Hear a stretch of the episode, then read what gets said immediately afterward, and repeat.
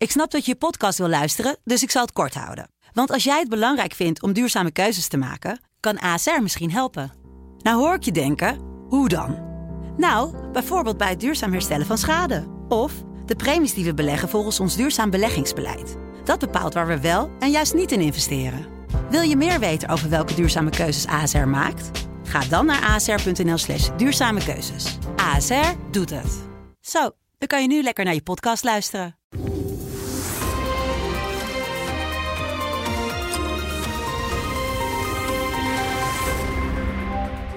Welkom bij het gesprek met Paul Jansen, de hoofdredacteur van de Telegraaf, waarmee we wekelijks doornemen wat hem bezighoudt in het nieuws. Paul, welkom. Afgelopen week kwam een rapport van het Sociaal Cultureel Planbureau met een flinke waarschuwing richting Den Haag. Uh, pas op dat het gat met de burger niet te hoog wordt. En dat uh, vanwege gigantische thema's die spelen ja. op, uh, op mondiaal niveau. Maar dat heeft absoluut zijn uitwerking ook hier. Ehm, heeft SCP daar gelijk in? Nou ja, of ze gelijk hebben is niet zo relevant. Ze signaleren dat in het rapport Burgerperspectief, wat, uh, wat periodiek verschijnt, heel, altijd interessant om, om te volgen. Uh, signaleren ze dat dat, dat dat vertrouwen in de politiek en dat gat tussen, tussen de Haagse politiek en de burger, dat dat nog steeds enorm is en eigenlijk groter wordt. Nou is dat niet helemaal nieuw, ook niet helemaal verrassend. We hebben natuurlijk zelf eind mei die peiling gehouden ja. via Kantar. Uh, enquêtebureau, waar ook naar voren kwam dat het vertrouwen in de politiek bijzonder laag is. En uh, weet je nog wel, die, die iconische, al zeg ik het zelf, voorpagina, 77% van de burgers vindt dat Den Haag te veel met zichzelf ja. bezig is. En te weinig met het oplossen van de grote problemen. Nou, we zijn nu een paar maanden verder en we mogen wel stellen dat dat niet echt verbeterd is. Nee. En dat is, dat is interessant. En ook dus dit SCP-rapport en ook de column van Ronald Plasterk... Uh, uh, vrijdag, die sluit daar natuurlijk uh, uh, op datzelfde thema aan. Het is interessant omdat, lees nog maar eens, het, het laatste regeerakkoord erop na. Ja. over de nieuwe, nieuwe bestuurscultuur, waar toch in, in, dat, in, in die formatie die een jaar heeft geduurd. En dat is op zich niet zo'n ramp. Maar er werd zo, zo benadrukt, we moeten als politiek Den Haag, we weten dat die kloof er is en we moeten dat adresseren en daar wat aan doen. Nou Wilson, als ik dan uh, een beetje het nieuws volg uh, van vandaag ja. de dag, dan moet je toch constateren, en dat bevestigt dus ook uh, weer dit onderzoek, dat die kloof eerder groter wordt dan kleiner. Denk aan het stikstof, waar Den Haag met een kaartje de, de, het land heeft ingeslingerd. Grote onrust, communicatie dramatisch. Ja. Uh, een, een, een, minister voor stikstof die, ja, voor wie dit dossier echt een maatje te groot is en die uh, bij herhaling de verkeerde toon aanslaat. Um, denk aan uh, de asielchaos in ons land. Ja. Waar, wat, wat, doet Den Haag? Oekases neerleggen en gemeentes verrassen, gemeentes dwingen. Uh, weinig begrip tonen voor burgers. Die, die inmiddels befaamde kraan die open staat niet dichtdraaien. Ja. Maar ondertussen wel extra dweilen willen aanrukken. Nou, zo zijn natuurlijk meer dossiers. Uh, en er komt nog eens de koopkracht bij, hè, waar natuurlijk nu wel ruim 15 miljard voor wordt uitgetrokken. Maar naar het zich laat aanzien, maatregelen die pas volgend jaar In ingaan. Terwijl mensen januari, nu in ja. grote financiële problemen zijn. Het draagt allemaal bij aan een beeld wat al heel lang bij de burgers leeft. Maar een beeld wat keer op keer bevestigd wordt.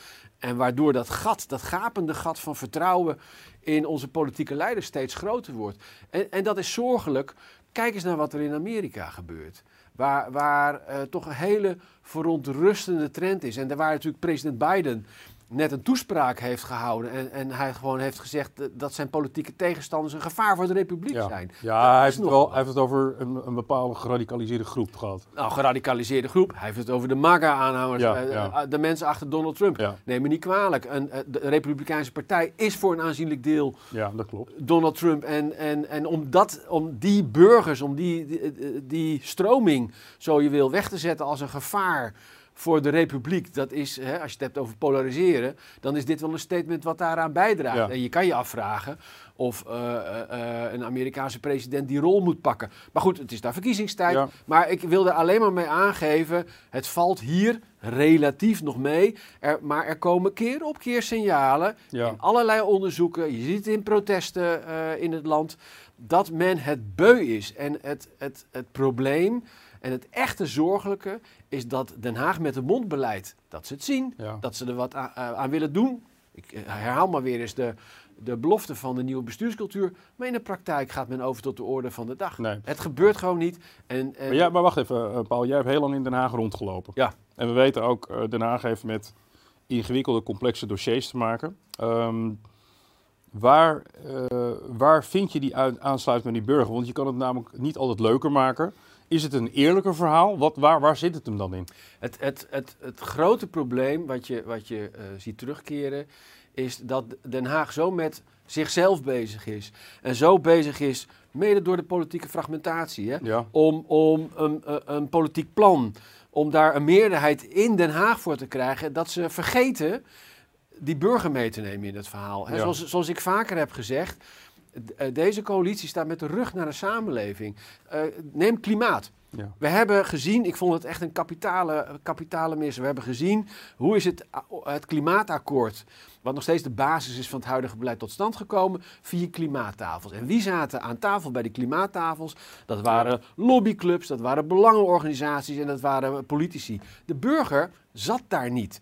Eh, en dus werd er uiteindelijk een akkoord gesloten waar Den Haag, weet je nog wel, heel tevreden over was. Kijk eens even, we hebben de, de, de middensector, hebben we, eh, of het middenveld hebben we meegenomen. En de burger dacht, ja wat krijgen we nou? Ja. Wij moeten hier heel veel lasten extra gaan betalen. Was totaal vergeten om die burger mee te nemen, aan te haken en het ook goed uit te leggen. Datzelfde zie je gebeuren in het stikstofdebat.